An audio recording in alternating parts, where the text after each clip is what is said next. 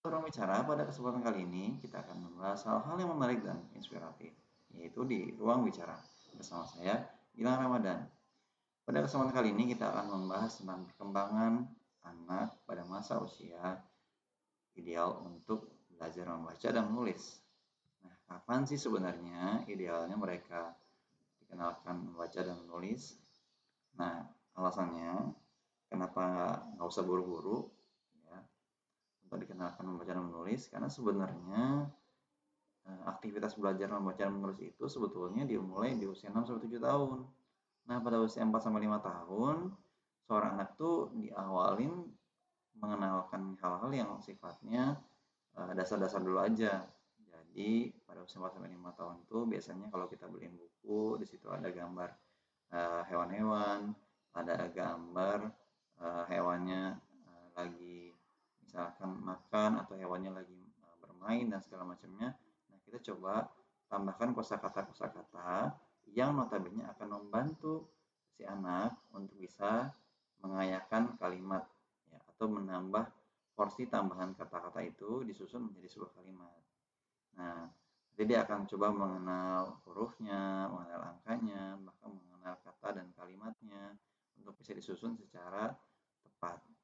Nah, dia juga akan belajar tentang menulis beberapa huruf dan angka dan sebagainya.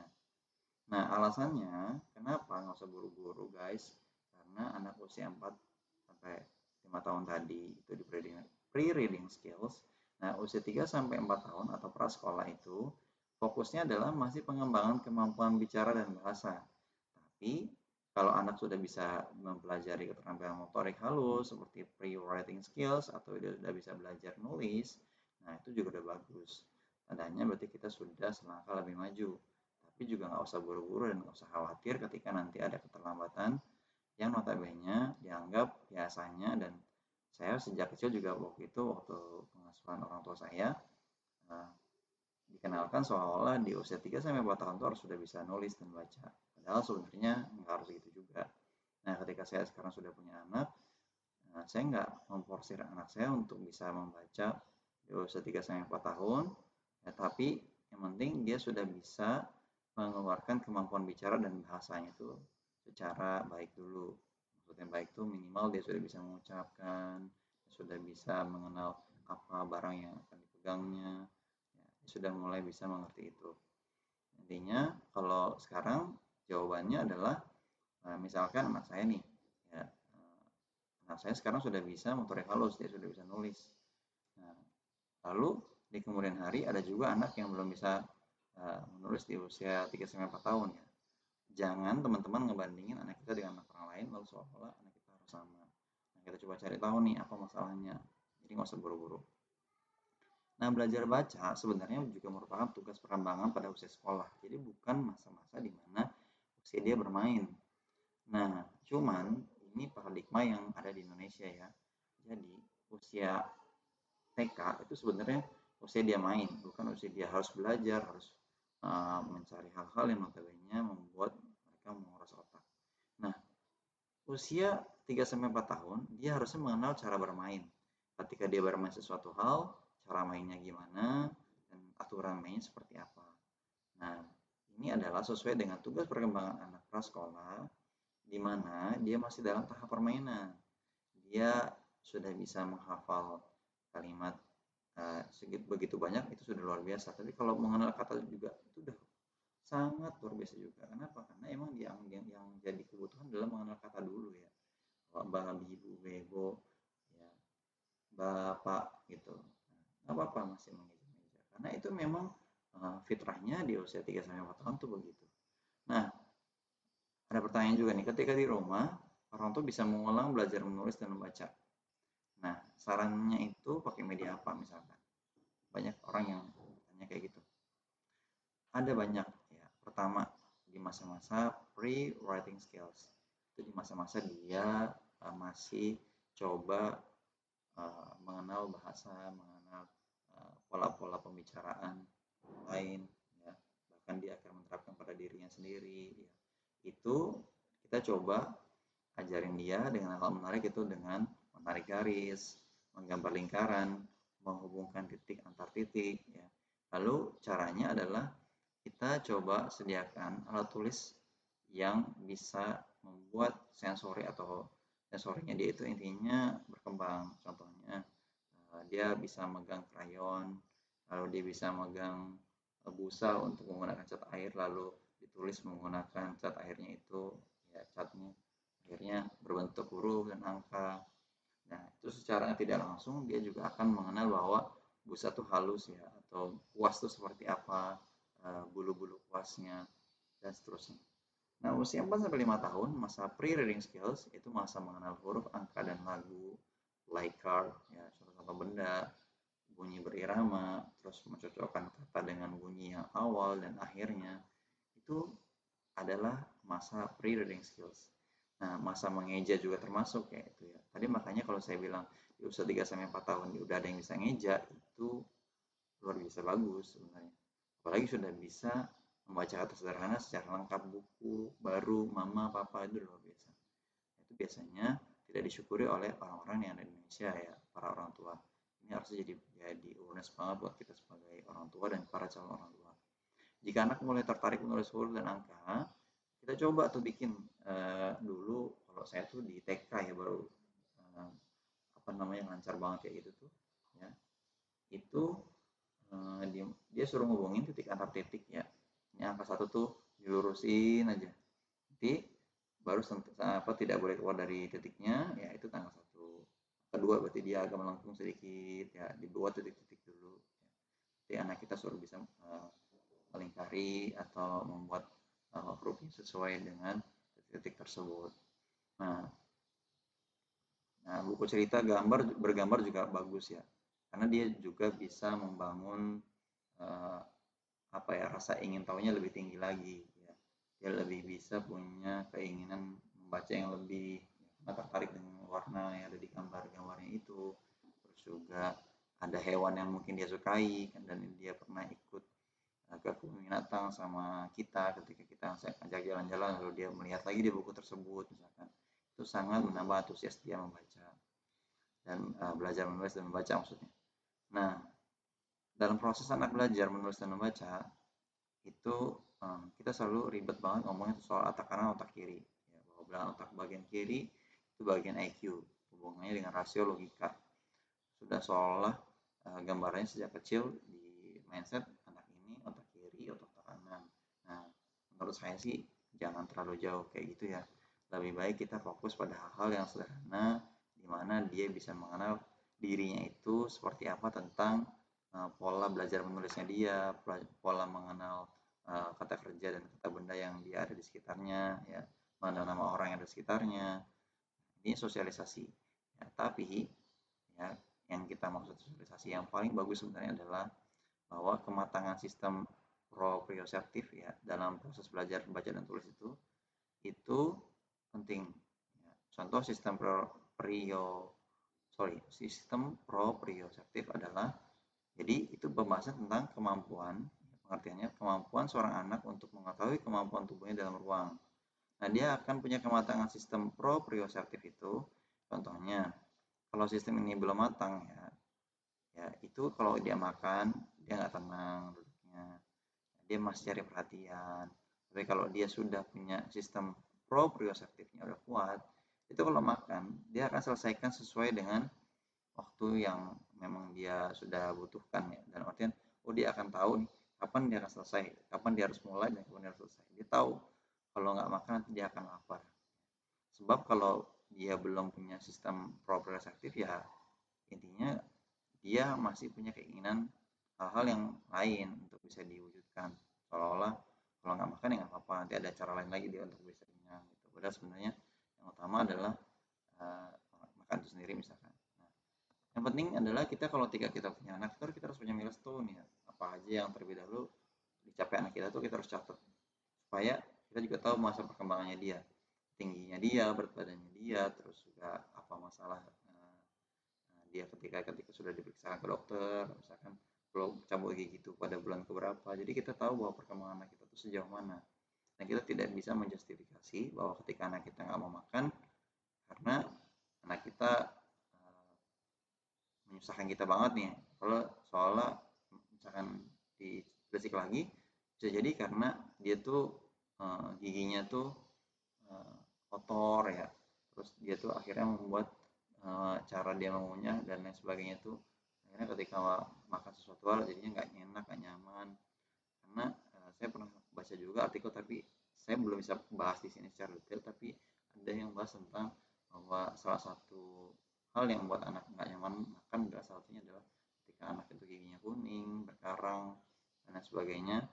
Lalu dia apa namanya makan itu e, mengunyahnya nggak nyaman ya dan itu juga cara hal-hal yang lainnya sampai ke psikologisnya juga akhirnya ber, ber ya, berkaitan ya. Nah milestonenya harus jelas apa aja yang harus didalui ya. Terus dia sudah bisa apa aja nah itu penting banget. Karena dia nanti akan jadi uh, report buat kita apa yang nantinya uh, bisa kita jawab ketika nanti uh, dia punya perkembangan yang lambat apa yang harus kita lakukan gitu. Itu bisa ketahuan dari situ juga. Nah konsep kalau dari segi perkembangannya di masa usia 3 sampai 4 tahun bahkan 2 sampai 4 tahun lah ya itu perkembangan kognitifnya cukup kuat.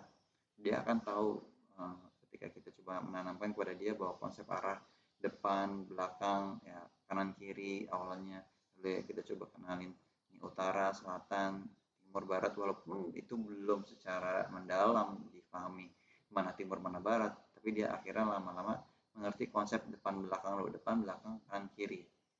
Ya, termasuk konsep-konsep uh, geometri sederhana kayak ini segitiga ini lingkaran ini persegi ya besar, ini kecil. Nah, itu penting banget kita kenalin karena kita akan banyak berkaitan uh, belajar dengan anak kita itu tentang hal-hal yang benar-benar kayak gitu. Kita belajar tentang bagaimana uh, buku itu bentuknya seperti apa. Ya, ada buku yang besar, buku kecil, ada notebook, ya, buku catatan uh, kecil, ada buku yang sifatnya folio yang besar dan seterusnya.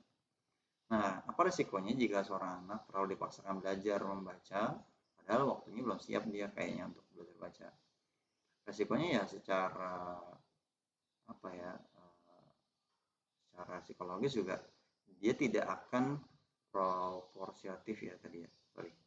Eh, dia tidak akan proprioceptif ya. Dia yang akan tenang ketika membaca sesuatu hal tuh ketika dia lihat ada yang menarik kan di gambar buku A, baru ada menarik lagi di kamar buku B dia akan pindah ke buku B dan seterusnya gitu ya. Itu kayak gitu. Jadi dia masih ragu-ragu lah intinya. Nah tadi kita udah bahas tentang belajar baca. Nah sekarang balik nih. Kapan idealnya anak udah bisa baca? Nah anak itu udah bisa baca ya kita 6 sampai 7 tahun 7 sampai 8 tahun. Ya itu di masa dia sekolah. Karena dia akan banyak belajar tentang pola-pola Eh, belajar membaca itu seperti apa. Karena masa-masa pre-reading skills itu adanya di usia 4 sampai 5 tahun. Pre-reading skills juga begitu sorry 4 eh, sampai 5 tahun itu juga akan masuk ke tahapan itu. Nah dan, tapi ketika masuk 3 sampai 4 tahun sudah pre-reading skills biasanya usia 4 sampai 5 tahun itu sudah mampu untuk membaca secara visual setidaknya bertahan uh, antara 5 sampai 6 menit dia bisa bertahan duduk diam secara proprioceptif ya. Itu uh, proprioceptif sorry. Itu bisa bisa bisa terwujud. Nah faktor apa aja yang menyebabkan cepat lambatnya seorang anak mampu membaca dengan lancar? Faktor perkembangan dia uh, dengan lingkungan sekitarnya nyaman enggak ketika dia baca buku yang dia suka ya terus uh, ada hal-hal lainnya. Tugas kita sebenarnya adalah untuk biar dia lebih suka baca dan nulis adalah sediain media yang membantu dia untuk uh, suka terhadap hal yaitu membaca dan menulis. Baca dan menulis itu tidak harus menggunakan pensil, bisa menggunakan krayon, bisa menggunakan spidol, bisa menggunakan cat air, bisa menggunakan cat air yang uh, kuasnya diganti dengan busa, misalkan karena dia butuh uh, belajar sensori juga. Terus kita juga harus sediain bacaan buku dan uh, bisa improve kayak lagu-lagu uh, anak ya notabene supaya dia mengenal sesuai kebutuhan lagunya itu kebutuhan lagunya dia bukan lagu-lagu cinta-cintaan yang notabene akan justru malah membuat dia tidak mengerti secara konsep. Nah biarin dia nyoba nulis sendiri mewarnai coret-coret ya biarin aja. Supaya dia bisa punya uh, apa ya istilahnya pengalaman ya discovery pengalaman yang banyak tepat atau enggak. Nanti ketika dia di kemudian hari dia melakukan hal itu oh iya kayaknya nggak tepat nih nggak tepat saya nih gitu ya. ajarin dia hal yang menyenangkan kayak misalkan dia main puzzle ya main scrabble terus main kue sumber hadiah terus budayain uh, setiap bulan tuh kita beliin anak itu buku sebagai kebutuhan dia baca nah, supaya dia tahu bahwa setiap bulan tuh bapak ibunya beliin buku tujuannya untuk uh, naikin life skillnya dia supaya dia juga mengerti bahwa buku yang dibaca itu juga punya tujuan tujuannya adalah lagi ya. So far ya uh, kayak gitu ya. Tapi secara penelitian ya bahwa sebenarnya memang sudah ada stadiumnya. Nah, stadiumnya adalah sudah ada tingkatannya. Nah di masa 9 sampai 18 bulan pada stadium ini uh, anak mampu memproduksi pola kalimat sederhana. Ini kalimat yang terdiri atas kata benda dan kata kerja dengan jumlah kata mencapai 6 sampai 20 Nah, itu ya guys. Jadi usia 9 sampai 18 itu masuk kategori stadium 1. Kata pengamat eh, bukan pengamat kan kata praktisi psikolog ya, itu Ken Adams eh, dalam buku Atma Negara. Eh, stadium 2 usia satu setengah sampai 2 tahun ya pada stadium ini anak telah mampu menggunakan 20 kata atau lebih ya stadium 3 itu 2 sampai 2 setengah tahun pada stadium ini anak mampu menggunakan pola kalimat subjek, kata kerja, dan kata bantu. Bahkan dia sudah mulai menggunakan kata majemuk. Jumlah katanya mencapai 200 kata. Stadium 4 itu mampu menggabungkan dua kata, menggunakan kata penghubung atau konjungsi. Jenis kalimat yang digunakan, jenis kalimatannya biasanya usia 3 sampai 3 setengah itu masuk stadium 5. Pada stadium ini anak mampu menggabungkan kata lebih dari menggabungkan jumlah kata jadi kalimat dan jumlah kata yang dimiliki menjadi mampu di diolah saya atau sorry jumlah kata yang dimiliki sampai 1000 kata. Nah stadium 6 ya sampai 7 yaitu usia tiga setengah sampai lima tahun dia sudah punya cara untuk menggunakan sudah mengerti ya cara menggunakan kalimat pasif sama aktif. Nah itu aja dari saya dan yang harus kita coba betul-betul ada yang paling penting ya bahwa tahapan tahapan umum perkembangan kemampuan berbahasa seorang anak itu ya harus betul-betul kita jadiin gambaran ya. Contohnya eh, saya coba kasih lagi penekanan di akhir ya bahwa di usia 0 sampai 3 minggu bayi akan mengeluarkan suara tangisan yang masih berupa refleks jadi bayi itu nangis bukan karena ia memang pengen menangis, tapi karena eh, karena dia nggak sadar terhadap hal yang dilakukan itu. Nah, usia tiga minggu, nah bayi itu merasa lapar. Kalau lapar dia akhirnya nangis. Nah, usia tiga minggu sampai dua bulan, dia suka dengar suara namun belum jelas. Nah, tahap berikutnya di usia 10 bulan dia suka niru suara-suara yang dia dengar di sekitarnya. Nah, yang terakhir yang terus speech yang tahap kelima 18 bulan biasanya disebut batita itu dia mulai bisa mengucapkan sesuatu tapi belum sempurna. Nah inilah dia yang uh, harus kita pahami betul-betul bahwa masa perkembangan anak itu penting sekali. Itu saja dari saya. Terima kasih atas perhatiannya. Sahabat ruang bicara. See you tata. Assalamualaikum warahmatullahi wabarakatuh.